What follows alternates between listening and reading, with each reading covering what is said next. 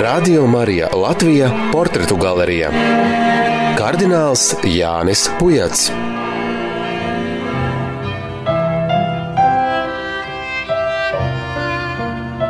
Ar Jāni Pujatu mēs tikāmies viņa dzīvoklītī Vecrīgā, blakus Rīgas sāpju diamātas baznīcai. Pagājušajā gadā, 14. novembrī, kardināls atzīmēja savu 85 gadu jubileju. Jāņa Pujata dzimtās mājas atrodas Rēzeknes novada Nautrēnu pagastā. Ģimenē mums bija es jau tāds vidējais, jo mums bija četri brāļi un četras māsas. Tā kā ģimene bija jāsaka, trokšņaina un, un bija par ko, kā jau bērnībā viss iet. Katram savs raksturs un katram, katram savs, jāsaka, tā kā šai ziņā ģimenē kā jau lielā čuvināšanā. Tā kā, tā kā putni, kas saskrien. Tā sabiedrība jau tomēr ir ir cilvēki viens pie otra pierod no, no mazotnes. Jāsaka, es domāju, tas arī audzināšanas moments arī ģimenē aug. Es nezinu, kā vienam būtu, teiksim, vienam bērnam augt tāds vientuļīgs, sevišķi uz laukiem, un, un tur tak ir ganāmpulks reizē, ir tie bērni un visi pie dzīvniecieniem un dabas, un, un viss tas ir kaut kādā tādā vienā kopējā bildē, jāsaka, veidojās un aug un cits citu audzina. Un arī tā darbu dažādība un darbu sadaļa un, un kas ganos, kas kur tā ir reizē rakstura audzināšana un reizē ticības un viss pārējais. No kurienes jūs nākat? Jūs esat latvieši, jums nav dzimtā no poļiem, no baltkrieviem? Mēs tīri latvieši. Vispār Nautrēnu draudzē ir ļoti latviskā. Un eh, tur patiesībā var būt vienīgā Babri un Rogozu sāčas. Trīs varbūt Jekumānu sāčas pieskaitā. Bet tur, tur ir patiesībā kopā tur iespējams varbūt kādas desmit sētas vai piecpadsmit vispār visā Nautrēnu, kā saka, draudzē. Nautrēna draudzē bija ļoti liela. Vienā gadā tur kristīja tuvu pie 300 bērnu. Tā ir, tā ir mans piemērs, esmu kristīts novembra mēnesī. 200 liekas 70. numurs. Vēl nav gada beigās nācis. Tas ir tā kā pilsētā. Nu tad lūdzu, viena gada laikā ja 300 pienāk, tā ir maza draudzene klāt uzreiz. Tā ir, tā ir ļoti liela dekanātā, kā saka, teritorija, un arī baznīca liela, skaista. Viena no latviskākām draudzēm. Viņa deva 20 baznīcas kungu no vienas draudzes. Starp tiem ir, kā saka, divi biskupi, viens Ransāns, otrs jums sēž pretī. Līdz nautrēņiem mums 6 km apmēram. Tomēr, nu, tā bija atkal garīgā saite, kas ar baznīcu saistījās no māju, kā saka, reliģiskā tādā nozīmē ir palicis atmiņā vecais sāģas krusts, tad, kad vēl ļaudis dzīvoja sāčās, e, nebija viensētās, tad jau arī tad e, sāčās bija tāds, nu, normāls, skaists kokgriezums, e, krusts zem jumtiņa, tad viņš tā palicis bērnības atmiņās, jo, kad es atceros jau apzinīgi, tad jau jau viensētas bija izdalījušies jau cilvēki. Un uh, palika mūsu mājas uz kalna vecajā vietā. Nu, un uh, zeme starp diviem ezeriem. Man personīgi es uzskatu, kā dieva žēlastība, ka jau jo mani ļoti ir iespaidojis no jau bērnības, kas saka, skaistie dabas skati, saulrieti vai, teiksim, rīti, vēl kad migla tikai ceļas no, no ezera. Un tā ir īstenībā, ja mēs sakam, ka Dieva vārdi ir svētajos rakstos, tad Dieva darbi ir apkārtējā dabā redzami. Tā saimniecība bija liela jūsu vecākiem?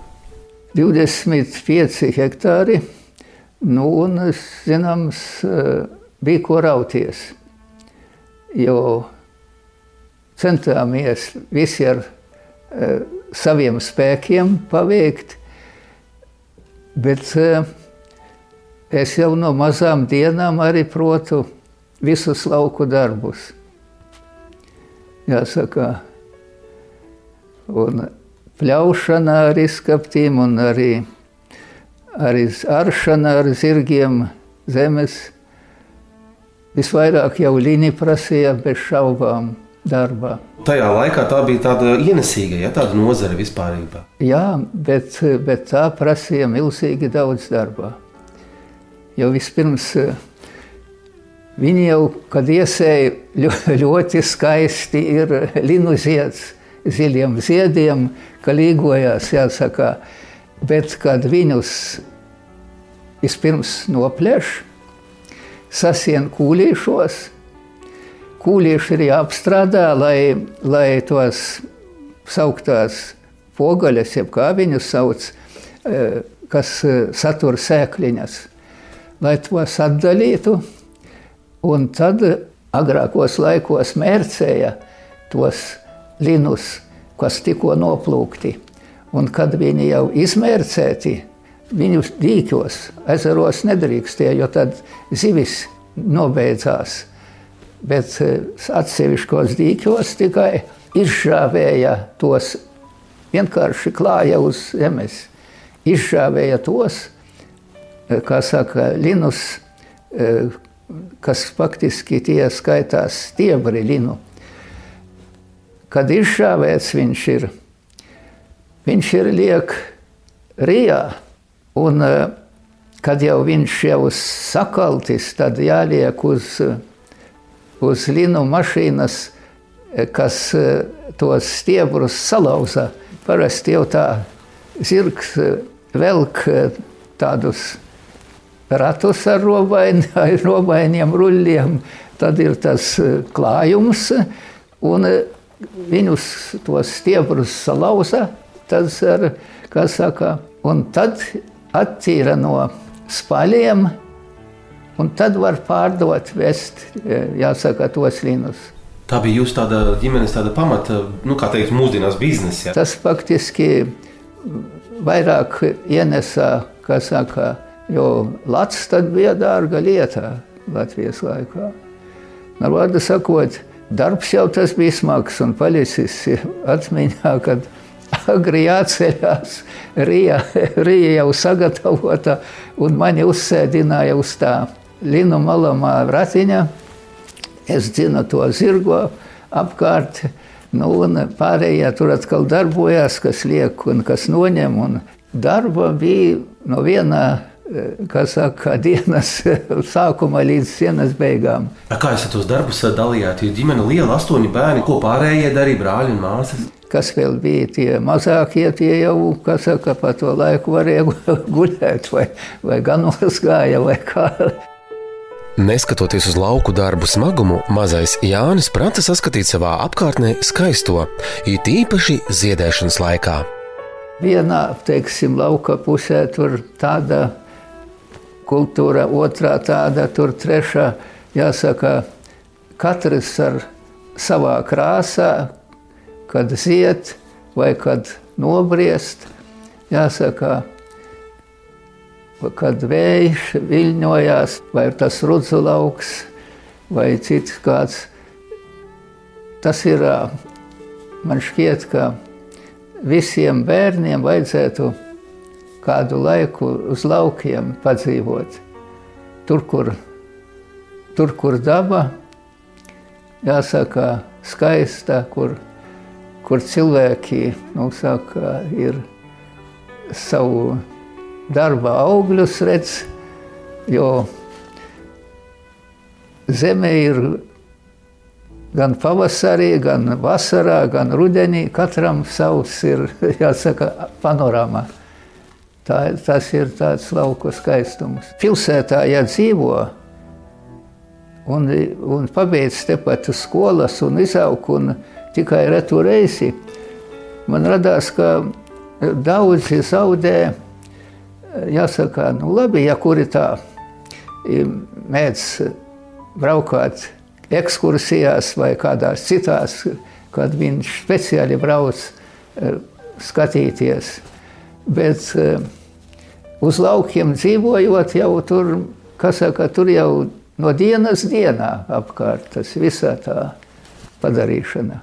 Nu, ko tas dod? Kā jūs domājat tam jaunajam cilvēkam? Es domāju, ka tomēr tie ir dieva darbi, ko, ko cilvēks eh, jāsaka, redz acu priekšā dažos mēnešos daba veidojās un, un, un zaudēja atkal savu rotu. Es domāju, ka tas tāds vienkārši e, estētiskais moments ļoti svarīgs, es domāju. Radio Marija Latvija portretu galerija Kardināls Jānis Pujats. Klausoties kardināla Jāņa Pujata stāstījumā par apkārtējās dabas milzīgo lomu viņa pasaules uzturē, prātā man nāca svētais Francisks no Asīzes un viņa jūsmošana par augiem un visu dzīvo dieva radību. Sakiet, tā jūsu kristīgā dzīve vispār, kurā brīdī jūs kaut ko sākāt apjaust par uh, to augstāko kaut kādu varu, kādu, cik, cik, cik vecāki bija reliģiozi vispār? Vecāki bija reliģiozi. Es jau Kas man palicis prātā no pašas bērnības, bez šaubām, svētbilšu stūrīts istabā. Vecāki arī mēdza lūgties kopīgi, kad eh, tēvs metās ceļos, tad jau visi bērni arī sekoja līdzi. Bez šaubām arī uz baznīcu savā iespējas, jo sagatavo pie dievgalda apmēram 10, 12 gadu vecumā jau arī reliģiskā literatūra, tad bija katoļu dzīve, arī lūkšanas grāmatas, jāsaka, lasīja, kā, kā jau ņem līdzi uz baznīcu iet, tad ņem līdzi. Tas ieauga, ieauga normāli, bez kādas spiešanas. Zināms, nevar teikt, ka tā bija ticība tāda, kā, teiksim, man pieaugušam, teiksim, tagad, starp citu, arī mans tēva brālis ar baznīcu mums bija. Mazajam Jānim vēl nebija nosvinēta desmitā dzimšanas diena, kad lauku dzīves idili pujatos pārtrauca ziņas par padomju karaspēka ienākšanu Latvijas teritorijā. Kad iegāja padomju laiks, faktiski mēs neredzējām. Viņi iegāja pa lielajiem ceļiem, un, un, bet kad vācieši gāja gan ar mūsu sāģu, liela tanku kolonna pagāja garām no dricēniem, šķērsām uz, uz nautrēniem, uz kārsavu. Viņi izgāja cauri tieši mūsu sāģai. Tad, kad nāca projām vācieši, tad arī viņi pa lielajiem ceļiem neskārā. Bet, eh, kad krievi nāca, tad gan eh, nakts laikā arī masīva tāda kainieku daļas lielas iz, izgāja cauri. Bet eh, neaizturējās frontē, līdz ar to mūsu sāča no frontes necieta. Viņa, viņa kaut kā aizgāja pa pa lielajiem ceļiem.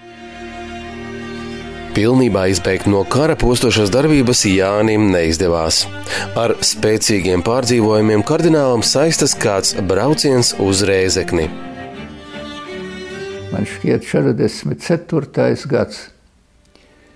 bombardēja jau Rēzekni. No mūsu mājām 20 km, bet taisnā tur var būt kādu 15, kad sakar lukturus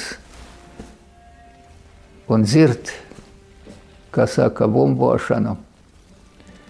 Un tajā laikā es ar brāli aprīlis, liekas, tas bija. Mēs kārtot aizbraucām eksamenus, kārtot dokumentus, lai iestātos vidusskolā. Bet jau Reizeknē jau tā evakuēta jau atbildīgie. Un mums aizkavējāmies un palikām uz nakti un tikām zem, kā saka, zem bombardēšanas. Tad nu gan bija. Saka, bet nu, mēs arī dienā apskatījāmies, kur ir kaut kāda patvērtne. Nu, nu kāda tur patvērtne? Tur grāvis, virsū druscīt virsū ir. Bet, nu, vācieši ar to izmantoja zaldāti. Vakarā, kad sāka bombardēt, mēs ar vāciešiem ieskrējām tādā šaurajā aizsarggrāvī. Nu, tad nu, varēja labi dzirdēt, kā avio bumba šņāc. Kaut gan saka, ka savu bumbu nekad dzirdēt nevar. Bet, bet tās es, ne, es nekad nedomāju, ka ar tādu šņākoņu iet. Un jo tuvāk, jo liela. Un liekas, ka pieliecies. Un tad dzirdi, ka sprādzieni un logu stikli tikai birst noskan. Bet iespējas tāds, ka jo tuvāk, jo stiprāk un šausmīgi šņāts. Un tiešām tad es vēl brīnījos, ka vācieši savā starpā sarunājās, it kā nepiegriezdami vērību, jāsaka. Bet, ka bumba iet jau visu laiku un paliecies, ka, bet pēc tam izēja laukā dek visapkārt mājas un, un kādi divi vai trīs, kā saka, vilni bombardēšanas. Bet nu vēlāk aizgājām mājās ar vilcienu, šausliešu vilcienu pavedā. Un tēvs iet pretī jau meklēdams mūs. Viņš jau domāja, būs laikam nosisti abi.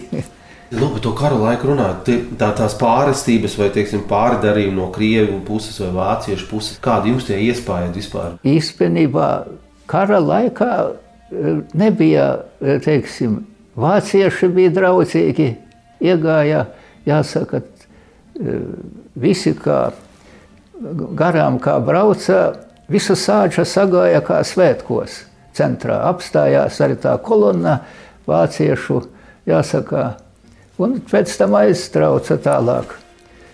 Krievu gāja, ka iegāja, viņi, viņi arī vairs, kā saka, nebija tā, ka skatītos uz kaut kādu e, ienaidnieku vai kā, jāsaka, jau, tie jau arī cilvēks paliek cilvēks, ar šeit ir tie civilie, Iesaukums okupantu armijās pujatu jauniešiem kara laikā gāja secen, jo neviens no puišiem nebija sasniedzis 18 gadu vecumu. Taču, kad pēc kara nāca kolektivizācijas vilnis, bija starp vairākiem ļaunumiem jāizvēlas mazākais. Pie mums ir tā bija. Neviens negāja kolkozā, bet kā tik dzirdēja, ka lietuviešus izveda, saka, Tēvs otrā dienā bija aizgāja un pieteicās kolkozā uzreiz. Labāk, labāk tepat, lai kolkozā, bet ne Siberijā. Vispirms lauki izjuka pavisam. Sataisīja kolkozus vai solkozus, es pat nezinu, kā viņi tur saucās, bet ar traktoriem izjauca visu, visu to pavisam tālu, kā jau traktors ar zirgu, Viņš līdz pasam smuki nostrādāja. Traktors sagriež, jāsaka, un sevišķi kā kalnēns, tur, tur vairs no, no dabas vairs nebija nekas palicis dabas skaistumā. Tā kā šai ziņā nevar salīdzināt, jo mūsu šādā bija 22 saimnieki. Un katram, katrs apstrādāja no, no vienas, kas saka, ešmalas līdz otrai. Smuki visa, visi bija nostrādāti, apsēti lauki un, un, un tā kā dārzs, jāsaka. Bet vēlāk, kad, kad es no vidusskolas atbraucu, kā tur paskaties kolkozā, ja vispār pēc, pēc kara kaut kur jaunatne pazuda. Kā gāja, no vienas puses aizgāja karā daļa lielā, no otras puses aizbēga no kolkoziem. Radio Marija Latvija portretu galerijā. Kardināls Jānis Pujats. Pēc kara beigām Jānis Pujats sāka ar vien vairāk sajust jaunās varas, garās rokas un naidīgo noskaņojumu, jo ar vien vairāk notika dažādas darbības, lai sagrautu to pasaules uztveri, ar kādu viņš bija dzimis un audzis. Vēlāk, jau kad jau karas beidzās, vidusskolā, tādi jau parādījās visādi vēnruk, vai tā viņa saucās. Tad, tad viņi, kurus jāsaka, skatījās, kurš tik kurš tur būtu vēl kaut kāds kreisāks vai, vai labāks, vai jāsaka, bet jau tur, tur jau citādi konfliktējās arī vidusskolā.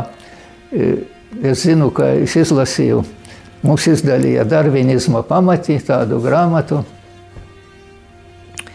Es izlasīju ievadvārdus, es tūlīt arī uzrakstīju virsū nekaunīgi meli. Komsorgs pamanīja, paķēra manu grāmatu, aizskrēja pie direktora Nu, es domāju, nu, būs skandāls. A, direktors bija vēl vecāka Latvijas laiku. Tas bija viņu nomierinājis, jāsaka, un atnāca, atnesa to grāmatu atpakaļ visu. Bet eh, tas mani uzreiz eh, sāsināja, ka es notiek tieši par priesteri. Bet tad, kad, kad pirmo reizi bija šīs domas, kad parādījās? Ne, nu, bija jau arī iepriekš doma visā, bet uh, Bet, kad vidusskolā, ka jau sāka šitvās, jāsaka, ne, ne tik daudz eh, saka, to zinātnisko, bet vispirms nolamā baznīca vispirms. Tādā ievadrakstā un visu.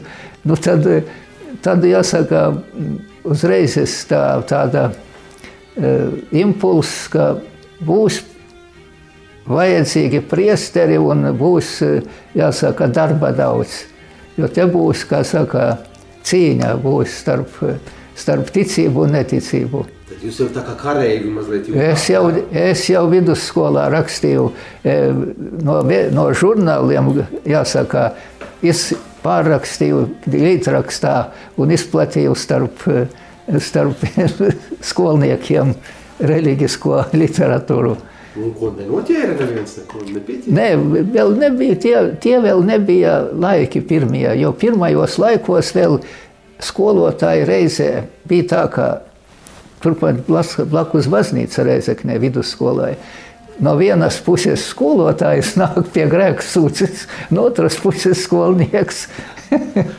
tā kā vēl no sākuma tie vēl nebija. Un, un vēlāk jau, kad ar vien pieskrūvēja to ja tā ateistiskā vairāk un vairāk, un komsomoli, un visa tā organizācija sāka strādāt, bet es jau gatavojos uz semināru. Radio Marija Latvija portretu galerijā. Kardināls Jānis Pujats.